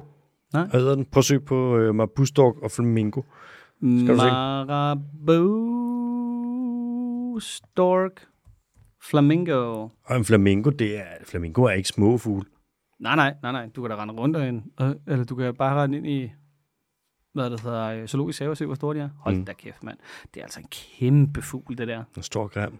Ja, så spiser den bare lige sådan en, spiser den bare lige sådan en død, død flamingo. Skal vi til noget... Øh, Vi skal til vi så- spørgsmål fra lytterne. Jeg fyrer den bare af. fyr? Første er fra Magnus. Hej DDT. Hej, Mhm. Tak for en fed podcast. Så lidt lige måde, så har han kraftedme lavet en emoji af en grævling. Ja, ja, men du kan jo så også finde drager som emoji, så det går nok. Ja, altså. flot. Godt forsøg. Det er bare det er lidt provo. Ja, ja. Godt forsøg, Magnus. Hvad så næste gang? Så er det Gandalf, eller hvad? Prøv igen, mand. Nå, så skal jeg. Jeg har et spørgsmål, som I måske kan tage op et afsnit. Hvad er jeres holdning til Coops Folkeskov? Herhjemme donerer vi trolig al vores pant i den lokale brugsen, så det kan gå til projektet. Men hvordan går det egentlig med dem? Og har de taget fat i nogle biologer og andre eksperter, som kan rådgive, at der bliver mest klima og natur for skillingen? Ha' det bra. Øhm, og jeg må indrømme... Altså, Altså, jeg har hørt så alarmerende lidt om de folkeskove, at jeg kunne forestille mig, at der er en lille smule brainwashing hen over det. ja, der er helt sikkert noget med. Det er jo et godt rygte, men jeg ja. tror altså også... Jeg ved, at det er Hedeselskabet, som står, som de samarbejder med Coop for at lave det her. Og jeg Stop med at sige kub. Coop, som Coop arbejder med for at lave det her. Undskyld. Og jeg kender ikke super meget til hedeselskabet. Jeg tror, at de er rimelig stærke inden for nogle naturprojekter, uden at vide det. Men de har sådan noget med det der klimaskov og sådan noget, hvor jeg er sådan, nej, fuck af. Det er plantageskov. Og hvis det er for klimaskov, vi har set det nu, at det meste af det skov i Danmark, der ligesom bliver lavet for, at man skal fælde det, og så kan du tage træet videre, og så kan du plante igen, og så kan du prøve at lave noget, lære noget CO2. Det fungerer ikke i Danmark, som det er nu, fordi vi brænder hele lortet, når vi bruger biomasse, som er mindre, at det er noget, der er sådan øh, mærket for, at det skal bruges til møbler eller et eller andet. Så er det selvfølgelig en anden sag, men som udgangspunkt der er jeg skeptisk med de der klimaskov, fordi det har vist sig, at det er ja, skovlobbyen, de er ikke gode for Danmark, altså lad os bare sige det sådan. Så jeg må indrømme, at jeg faktisk ikke ved så meget om det, men jeg tror ikke, at det er en dårlig ting at støtte, hvis det endelig skal være. Altså, hvis man får penge, hvis man får en pandbong tilbage, så vil man da godt, man, det kan man da hurtigt veksle til noget mere pand, hvis du forstår, hvad jeg mener. Sindssygt. Men er det ikke... Øh, altså, det er jo... Har vi ikke snakket om det? at Det, det er jo bedre at frikøbe allerede eksisterende skov, Ja, det er og det så ligesom bare lade det fucking være på en eller anden måde, ikke? på en måde, men problemet er, at der ikke rigtig er noget. Ja, det er jo lidt det. Mm. Men I, igen, så synes jeg bare sådan, jeg synes, jeg synes, det er fedt, hvis pengene går derhen til og sådan noget, ikke? Mm. Altså, du ved, more power to you, og hvis man kan få det til at fungere, så gør det det. Men det er ikke, jeg synes igen, det taler i- ind i den der irriterende ting om, at det ligesom er individet, der skal rette op på de her ting. Ja, men individer har ansvar, og det har systemet og politikerne også jo. Der er ikke nogen, der kan frelægge sig ansvar. Nej, men altså, du ved, hvis, man skal, hvis de her ting skal rykke ved noget, så bliver du nødt til at gøre det på et, et, et højere niveau end altså en flæskebong. Ja, det er rigtigt, men små Det ting- hjælper alt sammen. Gæld, altså. ja, så det er lidt det, hvor at man skal bare, alle skal gøre sig umage, ikke? Det er et meget fedt svar. Meget fedt nyt svar. det, var, Alle skal det, gøre var meget, sig det, umage. var meget et ikke-svar. Ja, alle, jeg gør umage alle sammen. Bono læs den næste op. Mm. Vi, har fået en, øh, vi har fået en mail fra Jonas. Hej AH og MBK. Hej Jonas. Hej Jonas. Jeg var ude og gå en tur i den dejlige Gribskov i går, og her så jeg en flot revlort. Det fik mig til at tænke over, parentes, et slag på tasken, parentes slut. Hvor mange ræve er der i en skov på størrelse med Gribskov? De har vel hvert sit territorium, man ser dem så sjældent. Ikke så sjældent som grævling, ej, just kidding, den findes jo ikke. Godt. Godt. Men man har jo en idé om, men har, man, men har man en idé om, hvor mange ræve vi har i Danmark? Jeg kunne selvfølgelig google mit spørgsmål, så får jeg jo ikke AH til at forklare det. Håber, vi svarer på spørgsmål. Tak for god podcast, og have en god dag for Jonas. Tak. Og i- ja, det var der så lidt. I, i lige måde. Var der, er der ikke, øh, der var kæmpe tilbagegang på et tidspunkt med alt det der skab, de ligesom rendte rundt og gav til hinanden, ikke? Mm. Og så skyder vi med også. Vi skyder jo mellem 30.000 og 40.000 rev om året. Nå, ja, ja. Men vi skyder ikke 100.000. Nej. Jeg ved ikke, hvor mange rev der er i Danmark. Jeg vil skyde gæt på slag på tasken. 200-300.000. Men, Men Men- jeg ved det faktisk ikke. Det er vel, øh, det er vel ligesom, øh, det er vel ligesom med, med sælen der, ikke? Altså man går ud, og så kigger man, så er man sådan, der er en rev, der er en rev, der Ja. er en rev, og så ganger man op. Præcis. Man kan jo stå og samle noget lort og se på DNA, så kan du se, hvad det er for et individ derfra. Så kan du se, hvor mange forskellige lorte, du kan finde i et givent areal, og så kan du prøve på den måde at ekstrapolere. Ikke? Mm. Jeg ved, en rev har et, ge- et territorium på, det er faktisk ikke så stort, det er typisk et par kvadratkilometer, og Gribskov er på, hvad er Gribskov på? Den er på 200 kvadratkilometer, tror jeg. Så der skal nok være nogle 100 rev derinde. Men altså, jeg vil gætte på, at de vil nok hellere være ude i kanten af skoven, hvor det går ind i, lapper ind i nogle andre lidt mere spændende habitater. Der, hvis det bare er sådan noget ren bøgeskov der, det er sgu lidt nærigt derinde. Det er jo bare en mark. Det er Så, også- Ja. Den er sgu svær at finde, øh, den er sgu svær at finde øh, tal på. Det er bare sådan, det er bare mere sådan, så siger man råvildt. ja. Yeah. Så er det bare alt sammen, der er klasket sammen i en stor øh, pærevælling. Ja, råvildt, det er sådan noget, det er så dårdyr og rådyr og alt det der, ikke? Mm. Bestandsudvikling og udbytteprocenter hos ræve og råvildt. På basis af jagtudbytter kunne råvildbestanden i 2009 estimeres til mellem 528.000 og 396.000. Og i 2020 og 2021 estimeres det til mellem 348.000 og 261.000. Det er et fald på 135-180.000 dyr, altså et fald på 34 procent i jagtudbyttet over 11 år. Med stor sandsynlighed også et bestandfald på hele 34 procent. God. Damn. Så det, det er tilbagegang. Bra. Men Det nu kunne, er der jo nogle folkeskove, de kan få lov til at rende rundt i. ja, det kunne have været mere tilbagegang. Ja. Nå, vi tager den næste. Den er fra Jesper, som skriver, Hey gutter, Hej Jesper. Hej Jesper. Jeg har lige en lille løftet pegefinger til jer. Når man claimer at elske Florida så meget, som I gør, øh, vi kunne ikke elske mere, Jesper, så er det altså ikke okay at fortælle løgne om, at den skønne stat ligger på USA's vestkyst. Nej, I ved, hvad det var på østkysten. Vi skulle bare lige se, fordi Det var en april snart jo. ja, yeah, så hvis I går ind og søger, så er der mange, der går ind på øh, Google og søger på øh, Florida, ikke? Kommer det op i AdWords? Ja, og det, det er ikke noget, vi har fået penge for at få jer til, men det er jo ikke det værste, der kan ske Nej. for Florida, at alle går ind og søger på det. Og så skriver Jesper, desuden så jeg i sidste uge en rev på Østerbro, så nu er jeg altså på jernes side i ulvedebatten. Oh. Okay, en kæmpe revspecial. Det der, det synes jeg er nice. Jeg synes faktisk, at vi nu skal skyde alle dyr, der er på størrelse med en mellemstor kat eller større. Ja, det synes jeg også. Det synes jeg også. Og al den propaganda, jeg har givet på det seneste, må i bedste fald ses som fake news. Grønne krammer og en grøn pegefinger til jer. Tak for det, Jesper. Vil Nå, du ja. anmelde Jesper til politiet? Ja, det tænker jeg da. Fordi det tænker jeg- Fodrer, fodrer han den givende, den givende rev? Står der noget om det? Nej. Der er til gengæld en rev ude i Enghaveparken, som der er nogen, der er begyndt at fodre, så den er blevet tam. Der vil jeg da gerne sige tak. Mm. Nå, Bondo. Ja. Nå, nu skal vi til det. Nu skal vi til det, du. Nu er det late night segmentet. Vil du ikke øh, åbne den? Jo. Øhm, lad os lige se her. Er der egentlig et navn på, øh, hvem der har skrevet ind? Det er der da ikke, desværre. Ja, men det er jo Sif, der sidder der med brevkasse som brevkasseredaktør. Nå, jamen, jeg tænkte, det kunne godt være, at hun ligesom havde videregivet, det her det er Beate, eller et eller andet. De er anonyme. Nå, den kører her. Kære Alex og Bondo, det er påske, og det ved vi alle sammen godt, hvad betyder. Der er nyt late night i indbakken. En lytter har skrevet ind med forskellige spørgsmål, som jeg viderebringer her. Skal vi tage dem en efter en? Ja. Cool. 1. Er der nogle dyr, der har mere behov for fysisk kontakt end andre, som for eksempel elsker en nusning, ligesom os mennesker? Og er der nogle dyr, som slet ikke bryder sig om at blive rørt? Jeg laver lige en bondo og kommer med et lægmandsgæt på, at aber og andre sociale dyr øh, og, og andre sociale dyr, som måske en lille delfin, rigtig gerne vil blive rørt. Hvorfor, er det, hvorfor, hvorfor skal vi gøre mig til et verbum og lave en bondo? Det er da et kompliment. Jamen, Sgu da ikke, når det handler om at bare komme med et lægmandskæt, fordi man ikke aner noget. Det er da så fint at være nysgerrig. Okay. Jeg tager det som en kompliment. Jeg er ikke sur.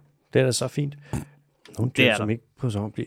Ja, jeg tror, jeg ved ikke, med dyr, det Der er jo for eksempel katten, ikke? Du ved, den vil rigtig gerne kløs på maven lige indtil, Åh, så kan den slet ikke være i sig selv, og så bider den der. Og hunden, der også godt kan løbe ind ud. Mm. Jeg må indrømme, jeg ved faktisk ikke, hvordan dyr har det med at blive rørt. Der er jo også noget med albatrosser, når de kommer tilbage efter at have flået ud på havet, og de mm. skal mødes igen og kopulere og lave en unge. De er monogame par, så står de der og kører næbne mod hinanden, nærmest som om de er fuglesnæver. Og jeg er sådan, det kan de sikkert. Det er sikkert meget rart for dem, men jeg ved faktisk ikke. Nu siger jeg det bare lige, ikke? Mm. Alle pattedyr og eller de fleste kryb, krybdyr, ikke? Mm. Altså, de har jo det øh, ret langt hen ad vejen, så vidt jeg kan forstå, ikke sådan et modsætningsfyldt forhold i, at de ikke indgår, eller kun den ene, nej, okay, nu tager vi den lige, pattedyr ikke? indgår i en social kontekst, Mhm. hvor at artens afhængighed eller overlevelse afhænger af dens gode sociale forhold, på en eller anden måde, ikke? Ret la- langt hen ad vejen. Og for nogle mange pattedyr jo. Mm. Så det er vel der, nusningen kommer ind. Ikke? Det er vel også der, for de sidder og groomer hinanden i chimpanseflokke og sådan noget. Ikke? Det er jo, Klart. Også ja, med fugle, men der er også nogle ja, krybdyr, der er det sgu mere sjældent. De er rimelig kolde, ikke? men det er det, jeg tænker, de mødes jo bare, der mødes slangerne jo bare i et eller andet hul, og så ligger de og boller og spermer. Ja. Og fisk rør, så vidt jeg ved, ikke hinanden. Nej. Fisk vil helst ikke røres. Så kommer der sådan noget, "Pss, fucker man med deres skæld, bro. Mm. Så jeg ved det. Og Fuck, butterflies, det er heller ikke godt. dem skal du ikke røre. Insekter kunne ikke være med ligeglade med at blive rørt. Nej. Skildpadder til gengæld. Men der er nok, det er nok et spektrum inden for øh, pattedyrsarterne, ikke? Jo, så tror jeg, vi ligger ude på sådan en særlig ende af spektret, fordi Hmm. ja. vi mennesker er mærkelige. Fra, fra kat til golden retriever. Ja. Og alt indimellem. Nå, skal jeg tage den næste? Mm. Hvem vil være den dominerende art på kloden, hvis ikke os mennesker? Parentes i forhold til trangen til at sky- styre verdens gang. Parentes slut. Og hvis svaret er aber, hvad så hvis aber ikke eksisterede? Eller er det måske bare enestående for os mennesker både at kunne plus ville civilisere, styre og kontrollere verden? Lytteren vil i tillæg til dette gerne vide, om for eksempel katte kunne gå hen og diktere verden, nu hvor de har en åbenlys agenda om at lede verden. Hvad tænker du bare nu? Mm, øh, klart katte. Katte? Ja, men det er jo fordi, alle, alle dyr er bange for katte, fordi katte, de kan gå så meget fucking amok, ikke? Altså, Ja. sådan to kilo bas der. Jeg låser mig ind i et skab og venter til den dør af alderdom. Ja. Næh, øhm, jeg tror ikke, jeg tror ikke, der vil jo ikke rigtig være nogen dominerende art, fordi der er jo ikke rigtig nogen andre arter, der har ønske om at dominere andre arter. Nej. Og der er heller ikke De nogen passer andre. jo bare lidt sig selv, og så spiser af hinanden en gang imellem. Ja. Øh, Og der er heller ikke nogen arter, der kan nu. Så skulle de udvikle sig Mm. og ligesom have nogle evne til det. Ikke? Men så, Godt nok et kvantespring, hvis de skal nå at indhente sådan en luker. Ja, det og må en man Glock. sige. Det må man godt nok sige. Bare for skudt dem i småstykker. Ja. Invasion of the Mower. Det er simpelthen også. Jeg tror, nogen, der, bortset fra aber, nogen, der kunne have en ok chance, det kunne være måske ulve kunne have en... Nej, nej, jeg ved det sgu ikke. Nej, Der er ikke rigtig nogen, hvor jeg tænker, wow. Også fordi de skal jo... det må jo bare, være- det må bare være, altså på landjorden må det da være elefanten, ikke? Altså sådan, den vil jo bare dominere alle andre. Jeg vil den nu også det. Langsom generationstid, og hvis de kalvene, hvis de bliver nakket, kan den ikke, den spiser ikke andre dyr. Så den skulle bare have nogen, der dræbe den. Ja, ja. Jamen det, jeg tænker bare, hvis, hvis der, er, der, er der noget dyr, som elefanten ikke vil op og slås med? Eller ikke vil kunne komme op og slås med og vinde? Nej, nej, den kan fuck alle op på land, ja. selvfølgelig. Så det vil, det vil jo de facto være den mest dominerende i kraft af dens fysik, men ikke øh, fordi, at den havde noget, tænker jeg, sådan Også. behov for at gøre et næsehorn til et kæledyr. Nej, den er også sådan... Så er der det med antal. Mm. Det ville tage sygt lang tid, hvis der skulle være, elefanten skulle sprede sig, fordi det går så langsomt, ikke? Det kunne også være, at det bare ville være rotten, fordi hver, den ville bare sprede sig lidt rundt. Ja. Yeah. Og den, Bare udrydde ting ved at være der. men man kunne også sige, hvis ikke det var et dyr, eller den- hvis det skulle være en dominerende art, der kunne også være, altså apropos det laster for sig og alting, ikke? Mm. Svampe. Hvis der er nogle svampe, der ligesom fik en eller anden måde. Hvis der var en svamp, der begyndte at angribe nogle celler, som alle dyr for eksempel havde, og de fandt ud af på en eller anden måde at proliferere og køre på den måde, det kunne altså være noget lort. Hvis de levede godt på noget, som alle dyr har til fælles, så sådan en svamp, hvad skulle man stille op? Ikke? Der kunne du ikke rigtig gøre så meget. Det kunne også være noget rod. Så ville der være sådan en temperatur, som begrænsede den. Svampe kan ikke lide, når det bliver... Eller det er meget sjældent, de kan lide, hvis det bliver meget koldt. Ikke? Mm. Så ja, det ved jeg sgu ikke. Eller for varmt. Eller for varmt. vil jeg også tænke. Drivhuset. Det er sådan, du redder frøen. How to save a frogs. Nå, mm. vil du tage den næste? For dyr, også gåsehud, når de føler noget særligt, ligesom vi mennesker gør. Eller er det igen bare en mennesketing? Ja, det gør de jo faktisk. Når vi føler for gods ud, det der sker, det er jo, at vi rejser børster. Mm. Vi har bare så lidt behåring. Så der sker ikke et skid. Der kommer bare sådan nogle små dutter, som ligner øh, ja, huden på en gås. Men er det ikke for at rejse hårene, så man holder på varmen? Jo, og så når vi gør det, så er det næsten bare en paudi på at holde på varmen, fordi vi har så lidt år. Men andre dyr, altså hvis du skræmmer en, for eksempel en kat, Mm. rejser den børster. Det er der mange dyr, der vil gøre. De eneste dyr, der rejser børster, det er dem, der har børster, og det er pattedyr.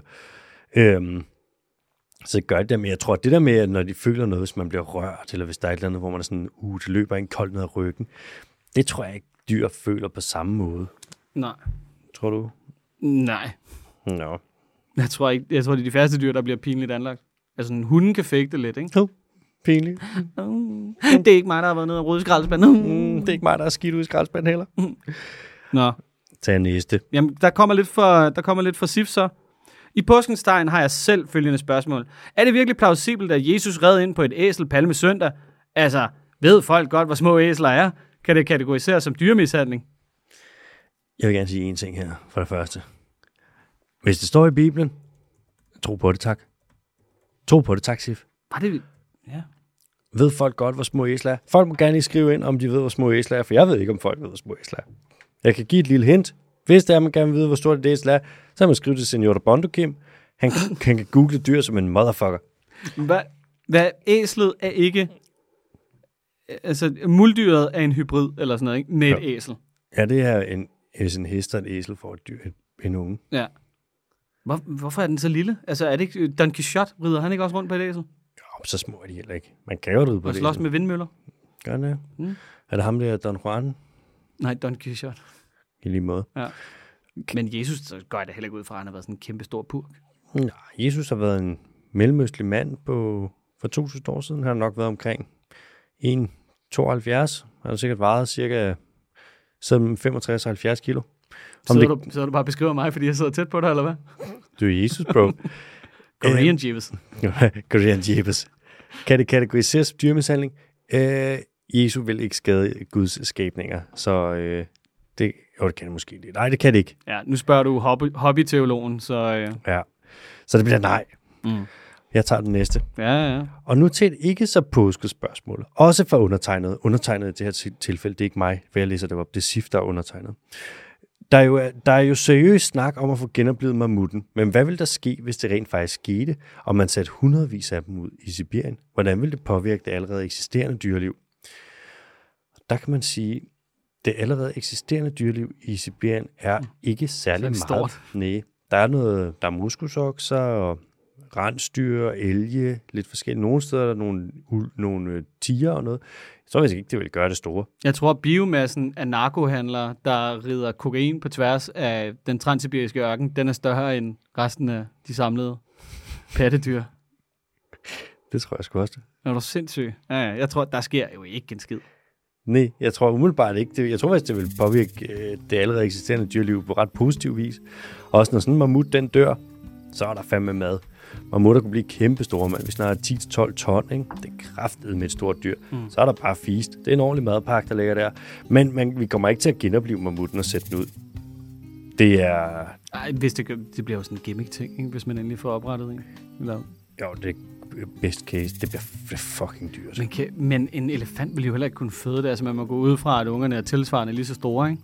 Du vil bare s- fucking sprække den der elefant. Ja. Jeg ved ikke, hvor... Det ved jeg ikke. Hvor Du ville stor skulle den er. udruge den i en ul, eller hvad det hedder. Hvad, hvad hedder det? Udruge. Ja, eller bruges rumor. Ja, rumor. Ja. Hvis man kunne gøre det i et laboratorium, det er bare svært, ikke? Alt i alt, det er sådan en ting. Det er ikke for naturens skyld, man gør det i hvert fald. Det er helt sikkert. Men det er spændende. Vil du ikke læse det sidste om? Nej. Vil du ikke læse det sidste Yours om? truly, late night segmentet TM. Men det er Læser jeg fordi- lige, der står sådan noget her. Okay, ja. Nå, jeg skal nok tage den. Det er fordi, at hvad det hedder, Sif, hun slutter selvfølgelig med en lytterløgn. On another note, skriver hun så løgnagtigt, så kunne uh, du faktisk godt ligne Jesus AH. Hvis altså Jesus var fra Skandinavien, så lad os slutte på den bemærkning og løgn, skriver hun. Det står der ikke, den er med løgn. Det er noget, du sagde. Åh, oh, det gør der. Så står Det der, yours nyt på truly, mig. yours truly, står der, late night segmentet, trademark. Nå, men lad os da slutte med den bemærkning, så jeg ligner en skandinavisk Jesus. Tak for i dag. Ja, den, lad os slutte på den lytterløgn. Tak for Hej, det. hej, hej.